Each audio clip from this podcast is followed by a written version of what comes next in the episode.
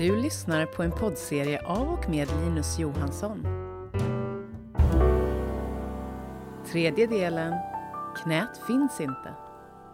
Min fasta övertygelse är att knät inte finns. Det finns inte bitar och delar. Jag tror och ser och förstår kroppen som den här sammanhängande, flödande enheten som är omöjlig att dela upp. Och i det här avsnittet så vill jag dyka lite djupare in i den här biten varför jag säger att knät inte finns. Och hur jag presenterar det för både en patient som kommer och besöker mig, för eh, de elever jag har, de grupper jag utbildar för och sen hur jag rent praktiskt arbetar med det i min klinik. Det spännande är ju naturligtvis då hur jag kan säga att knät inte finns när vi alla har fått höra i alla tider att vi har någonting som heter knän. Och alla har säkert någon gång haft ont i dem, har slagit i dem, har skadat dem, har kanske till och med opererat sina knän. Och ändå så menar jag och påstår jag att knät inte finns. Och det är ju av den här väldigt enkla anledningen att kroppen kom först och intellektet som försöker förklara och förstå kroppen kom sen. Vi har klarat oss i ganska många miljoner år utan att ens veta att vi har knän eller att de finns. Problemet är bara när man kommer till den här biten som där man ska förklara vad som är sant och vad som är rätt och riktigt. Så det känns ju väldigt naturligtvis konstigt att höra det här att knät inte finns. När du bara kan slå ner blicken och titta rakt ner och så ser du två stycken knän. Men vad du ser är två stycken konstruktioner, två stycken rubriksatta områden. Inte någonting som du har gjort och skapat och skruvat dit själv eller som någon annan har gjort. Utan som vi bara har konstaterat finns där. Som vi har namngivit, som vi har givit en funktion, eh, som vi har eh, ritat av i alla möjliga avseenden och eh, illustrerat i böcker och förklarat och definierat. Och kollektivt sett kommit överens om att vi har knän. Det är ju det som är sant. Och sanningen är ju när vi kommer överens om någonting. Det är ju det som är sant. Du kan ta det här med jorden är platt, jorden är rund grejen. Jorden var platt. Ända tills vi alla kom kollektivt överens om att den är inte platt längre, den är rund. Min avsikt är inte här nu att få en kollektiv förändring där vi alla säger att knäna inte finns. Vad det här är, är ju en pedagogisk ingång mot att lära sig och att förstå kroppen ur det holistiska perspektivet och backa bort ifrån det här reduktionistiska perspektivet som säger att vi är bitar och delar. Så om knät nu inte är ett knä, eller om knät nu inte finns, vad, vad är det då för någonting som du kan ta på, och som du kan känna och se där? Man skulle kunna vända på det och säga då istället så här att knät finns inte. Knät är ett möte mellan en fotled och en höftled. Om du skulle dra isär förlängningen av fotleden som är då tibia och förlängningen av eh, höftleden som är femur, bara dra isär de två. Vad finns kvar däremellan? Ingenting. Knät finns ju inte. Knät är ju tibia som möter femur. Tibia möter foten. Tibia har väldigt liten förmåga att röra på sig, femur också, i förhållande till vad en led kan röra på sig. Det finns svikt och rotationer och, eh, och sånt i, i ben också naturligtvis.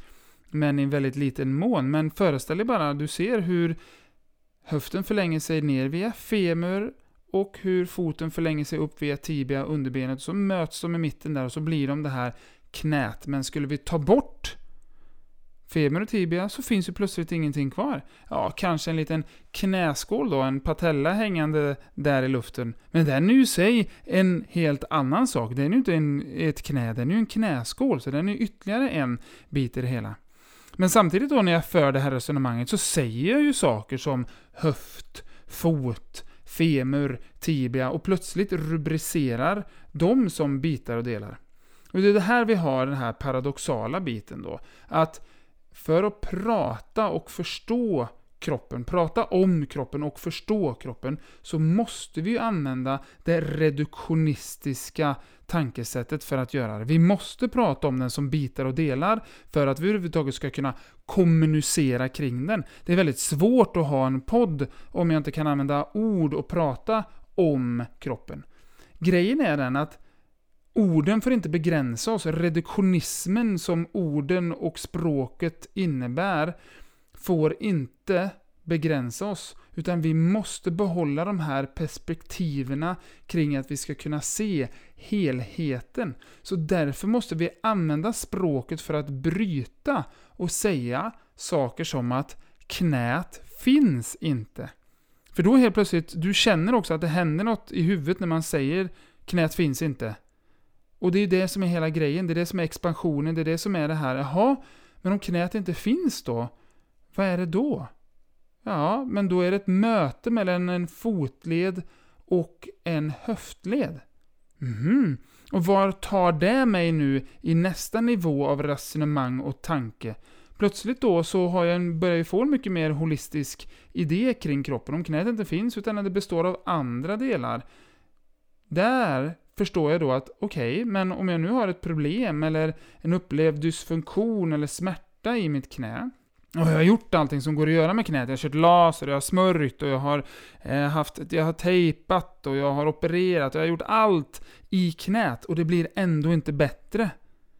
Men om nu inte knät finns, om jag då tar en resa ner i foten och en resa upp i höften och så börja jobba med de strukturerna, börja tänka kring dem och se hur kan de förbättra allting för knät? Hur kan det få knät att röra sig bättre, fungera bättre, vara mindre smärtsamt? Och återigen, nej men höften är ingen höft. Utan vad är höften? Ja men den är någon typ av övergång från våra ben in i våran rygg. Så den är ju mötet mellan bena och ryggen på något sätt. Så höften finns ju inte heller. Och ser du hela tiden att så fort vi är inne i det reduktionistiska så kan vi hela tiden expandera bort ifrån det och så koppla uppåt och neråt. Och det är det här som gör att det är så väldigt intressant att jobba just i det här perspektivet. Och det tar oss lite tillbaks till det här som är sanningen då. För då har vi kommit överens om att ja, men det är sant att det finns knän. Vi har gjort den här kollektiva eh, erkännandet att knäna finns. Men om det nu är så här då att allting som det här reduktionistiska sättet gör då med operationer och träning för knät och knästabilitet och hej och hå, Gud och hans moster. Och så ändå blir det inte bättre i knät. Men man plötsligt kommer till någon som säger att men du har inget knä, men du har en fot och en höft och jag ska jobba med din fot och din höft. Och så plötsligt försvinner smärtan i knät. Vad är då sant? Är det också då sant att vi inte behöver erkänna knät utan vi kan se det som någonting annat? Och jag tror nog att de flesta skulle gå med på att erkänna den sanningen, framförallt om man har ont. Då, då går de flesta med på det mesta, ska jag säga, när man har ont någonstans. Var som helst, bara få bort den här smärtan. Mm. Jag tänker inte göra något mer än bara säga att ditt knä inte finns, och så tänker jag jobba med din fot och din höft. Tada! Lite mindre ont? Ja, ja, vad fint. Är det här en sanning som du skulle kunna sådär tänka dig att gå med på? Och det skulle man naturligtvis göra. Jag skulle själv vilja gå till någon som erkänner och ser min kropp på det här sättet och inte har fastnat i det reduktionistiska tänket och det här bitar, delar, grejen, utan jag vill ha någon som ser mig för det där fantastiska som varje kropp är, det här sammanhållna, flödande, organiska, där det inte finns gränser, där det inte finns områden där det inte finns enskilda enheter, utan allt hänger ihop som det här fantastiska som vi är, som bor, lever, fungerar i gravitationen. Men nu är ju knät där och knät kan ju göra vissa rörelser, konstaterar vi. Det kan ju sträcka sig och böja sig framförallt. Det är ju det som man upplever kring knät. Vi, I böckerna så står det att det är en gångjärnsled. Återigen där, orden, hör du hur, hur det låter? Vi har liknat våran kropp vid någonting vi har skapat för att kunna förstå det. Gångjärnet är av oss skapat. Gångjärn växer inte på träd. Utan gångjärn är någonting som vi skapar. Vi bryter malm, vi gör järn, vi gör stål, vi pressar, formar gångjärn. Som är en funktion i våran vardag som får oss att öppna dörrar, skåp, och så jämför vi det med vårt knä och säger att det är en gångjärnsled. Hela det här, alltså det blir så inboxat och det blir så fyrkantigt och det blir sådär som, och, jag, allt jag vill bara göra är bara bryta mig ur allt det där och hjälpa andra också förstå och se det här sättet att tänka på, på ett annorlunda sätt. Men nåväl, gångjärnsleden där, böja, sträcka. Och du har också upptäckt att då kan vi nyttja den här på lite olika sätt då. Så tack vare, eller Eh, på grund av, eller eh, hur man nu vill se det, så, så har ju då den här mänskliga intelligensen lyckats förstå att oh, om jag nu stimulerar just mitt knä genom att böja och sträcka det i en sån här benspark på ett gym, så kan jag ju få en hypertrofi, som jag också kan beskriva som en enskild eh, händelse i min kropp, och så plötsligt kan jag få en större omkrets på mina lår. Och då blir jag också mer sexuellt attraktiv för någon typ av partner här, och Eftersom samhället då ska, säger att jag ska ha fasta fina lår för då är det större chans att jag blir uppskattad, omtyckt, får mer likes i alla de sociala medierna. Och märkligt nog då så spelar det så här stenhårt rakt in i vår genpool som säger att om jag är lika som alla andra, om jag följer den här givna eh, normen och om jag är sexuellt attraktiv så kommer jag att få föröka mig. Och det är det som hela våran eh, genetik går ut på, som vi pratat om i tidigare eh, avsnitt. Att allting det handlar om att vi ska pinna runt på den här jorden en liten stund, vi ska träffa en partner, vi ska föröka oss, föra vårat DNA, våra gener vidare till nya lyckosamma generationer. Och det där, det går hela vägen ner ända till en benspark. För ärligt talat, för alla ni som har suttit i en benspark, varför gör man det? Alltså det, är, det är ju, alltså på, eh, på riktigt, det är ju det knasigaste som finns. Och nu får du ta det för att jag är också knasig i min ände då, naturligtvis. Men det är knasigt. Men hur som haver då, så till synes så ser det ut som knät är till för att böjas och sträckas. Och så har vi hittat då de här möjligheterna att stimulera det för att sen ta hela den här genetiska fuck-upen till nästa nivå. Jag ser ju knät naturligtvis på ett annat sätt. Knät är den här fantastiska strukturen som då är en del i det här hela organiska som vi är, som bara har just det här syftet att göra resan på två fötter så energieffektiv och lämplig som bara går. Så lättsam och så funktionell som bara kan tänkas vara.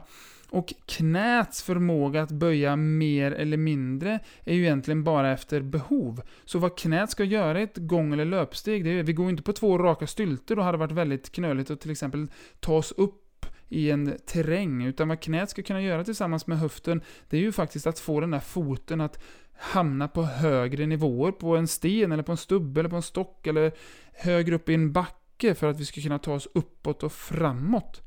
Och i den här rörelsen, så, i den här väldigt avancerade rörelsen, så är ju knät också till för att hjälpa att eh, ladda de här väldigt fantastiska, elastiska, levande, organiska eh, gummibanden som hela vår struktur är uppbyggd av. Allt från hud, fett, myofascia, eh, hela vägen ner till nerver, blodkärl som också är en del i att ladda, hela vägen ner som vi sa alldeles nyss till ben, som också är till för att hjälpa till att driva den här spänstiga rörelsen som vi har i kroppen framåt. Det spännande är då att du kan ju leva ett helt liv och böja ganska lite på knät och det är väldigt många av oss varse. Därför att i den här eh, världen som många av oss lever nu så är det också norm, inte bara att vara muskler och sexuellt attraktiv, utan också kunna göra djupa squats. Nu vet inte jag om man får, om det ökar chanserna att få eh, en partner och att få föröka sig om man kan göra djupa squats. Antagligen är det det eftersom alla hela tiden kämpar med att komma ner i de här djupa benböjerna. Och till vilken glädje, till vilken nytta egentligen? Ändamålsfyllande ja, för prestation då i olika typer av sådär styrkerörelser och så vidare. Och återigen, jag är inte speciellt imponerad av sånt där. Jag, jag blir imponerad av andra grejer. Det där imponerar inte på mig. Framförallt så imponerar det inte på mig därför att det är inte alla som kan göra det. Alla kan inte gå ner i en skott. Du, du, du som lyssnar kanske är den här som sitter ner på huk och sen så bara... Så känns det som du bara ska tippa, trilla bakåt. Och skälen kan vara hur många som helst. Eh, du kan ha en skotsk släkt som gör att dina ledhålor i din höft är djupare, vilket gör att femur slår i eh, kanten på ditt bäcken mycket tidigare än om du till exempel har ett asiatiskt påbrå där dina höfter rent genetiskt är mycket flackare. Det som alla fullt fungerande, friska människor kan göra som lyssnar på den här podden, och naturligtvis då som inte är födda med ett, ett hinder av något slag, det är att kunna stå och gå. Det är det vi alla människor kan göra. Vi kan sätta den ena foten framför den andra och repetera. Det har vi alltid kunnat göra. Det kommer vi alltid kunna göra i generationer framåt. Sitta på huk det tjänar egentligen ingenting till. Du kan leva ett helt liv utan att sitta på huk. Men det är väldigt svårt att leva ett helt liv utan förmågan att sätta den ena foten framför den andra. Det går naturligtvis eftersom vi har ett sånt fantastiskt socialt skyddsnät i, framförallt det här landet som tillåter mycket. Och vi skapar ett samhälle som är tillåtande för de som inte kan gå. Men se dig runt omkring. Alla går därför att det är det som är universalrörelsen. Det är det vi är till för att göra. Och det är utifrån gång och löpsteget som alla andra rörelser som du sen kan hitta på att göra. Armhävningar, benböj, marklyft, hoppa, springa, studsa, klättra. Allting är baserat på att du kan sätta den ena foten framför den andra. Men alla dina strukturer som du har i kroppen är till för att göra just det här arbetet så energieffektivt som möjligt. Där du ska vara så lyckosam i just det här förfarandet som bara går. Och det finns ju någonting mer som är väldigt spännande med just gång och löpsteget. Alla andra rörelser som du eh, gör och som du kan göra och som är lite mer av det här avancerade slaget, eh, till exempel marklyftet eller benböjet eller eh, en armhävning eller en kettlebell swing eller vad du vill. Alla de här rörelserna som vi kan göra, de har vi ju lärt oss på något sätt av någon annan, eller hur? Men gångsteget lärde du dig själv med den ultimata läromästaren som är gravitationen. För du kom ur din mors tyngdlösa tillstånd där i hennes mage. Och den första som sög tag i dig när du kom ut i den här kalla, hårda verkligheten, det var gravitationen. Och den sa Hello buddy, nu är det du och jag för resten av livet och jag ska göra allt för att göra livet surt för dig. Jag ska dra dig neråt.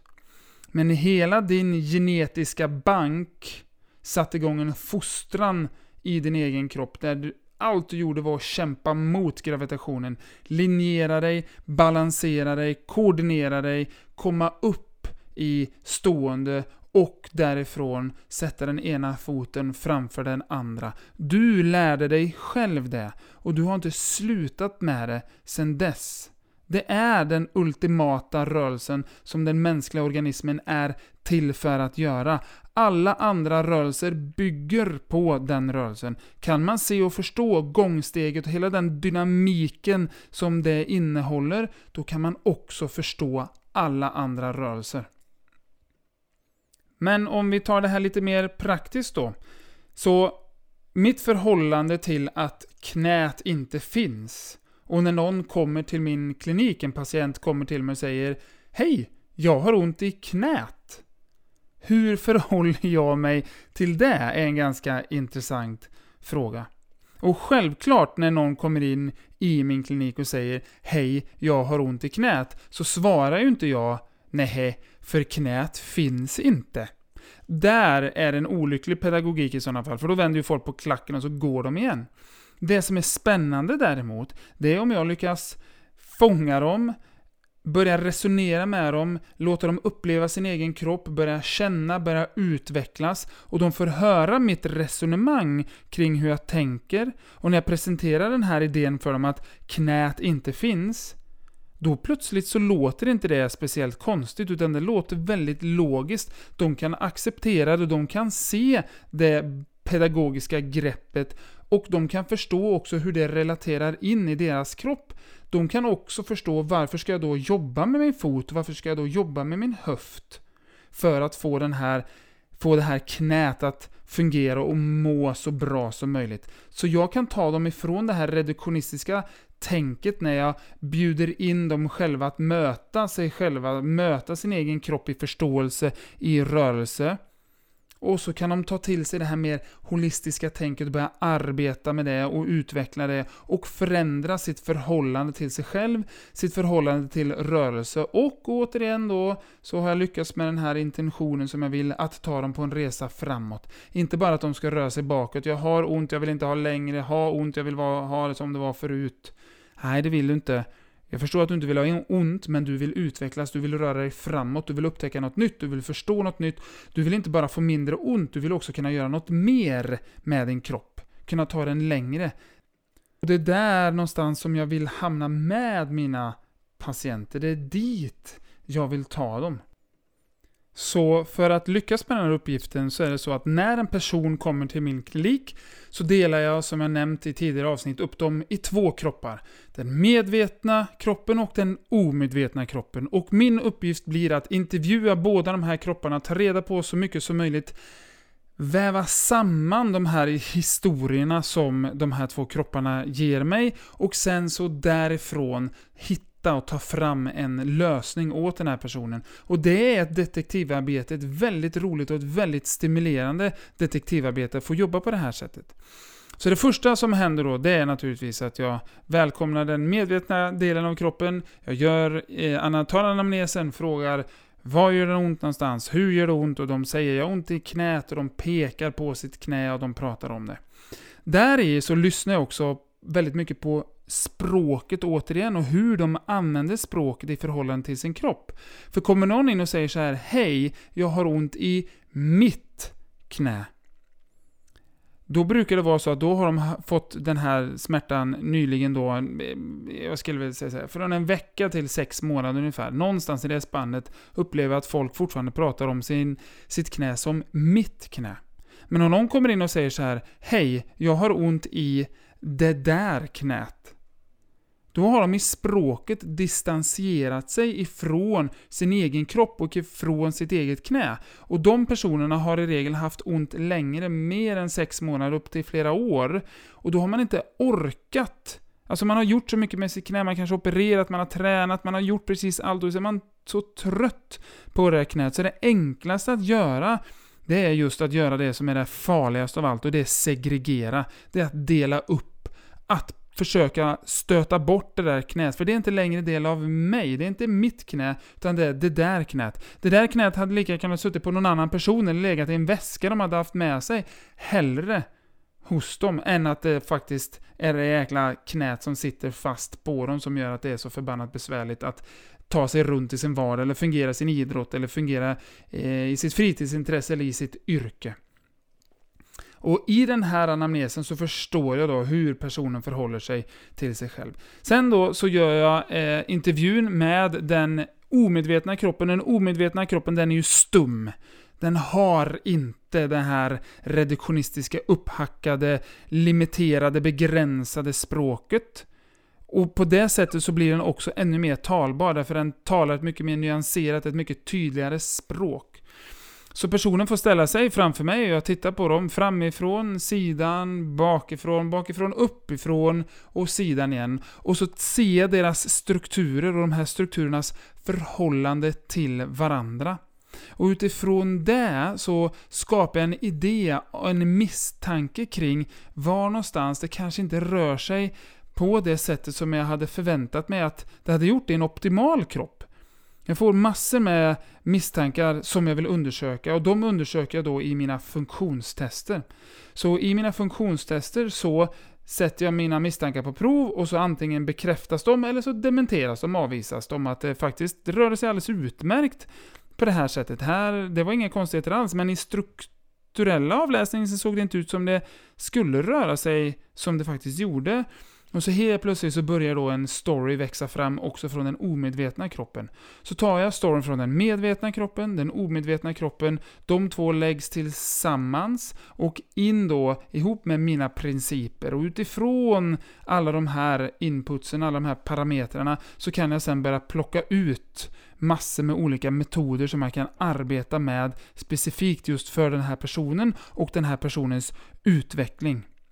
Och då får jag en väldigt skalpellskuren, väldigt snygg, väldigt rak, väldigt, eh, väldigt personlig möjlighet att förändra just den här personen och få dem att utvecklas och röra sig framåt istället för den här resan bakåt. Och i hela min kommunikation, i min beröring, alla rörelser jag gör, så försöker jag förankra allting i den här storyn som den medvetna kroppen gav mig, för jag vill bejaka dem, jag vill visa att jag har lyssnat på dem, att jag försöker tillgodose deras önskemål, och samtidigt försöker jag göra exakt samma sak med den omedvetna kroppen. För jag ser dess behov, jag ser dess möjligheter, och då kan det vara så att en person kommer och säger du, jag har ont i knät, varför håller du på med foten för? Eller varför håller du på med min höft för? Och det är då hela den här grejen, och jag ska väl förhoppningsvis ha egentligen ha föranlett att den frågan ens dyker upp i mitt resonemang med dem. För i en, i en klientsituation så handlar det extremt mycket om att utbilda dem om sig själva, att ta dem längre framåt och möta sig själva i rörelse och i funktion igen då. Och då blir det till och med på den nivån att när jag har förklarat och de har förstått allt det här så blir det resonemanget att ja, det är klart att knät kommer fungera bättre om det är så att vi får foten och höften att fungera nu när jag vet, säger personen, allt det där som du berättat och hur det hänger ihop och så vidare. Det här var lite spännande, jag hade ingen aning om vad roligt det låter och vad intressant och du menar att det finns möjligheter för mig också och, och kan jag ta mig framåt och kan jag utveckla mig. Och det är där i som hela det här ligger, att faktiskt få en person att känna ett intresse, att bli intresserad av sig själv. Och tänk då, drömmen är att få en person som kommer till kliniken och säger Hej, jag har ont i det där knät. Att få personen att förstå att knät inte finns. Och efter en lyckad behandlingssession får de att säga Jag har inte ont längre i mitt knä. Du har lyssnat på en podd av och med Linus Johansson. För att komma i kontakt och läsa mer besök friskgymnasten.se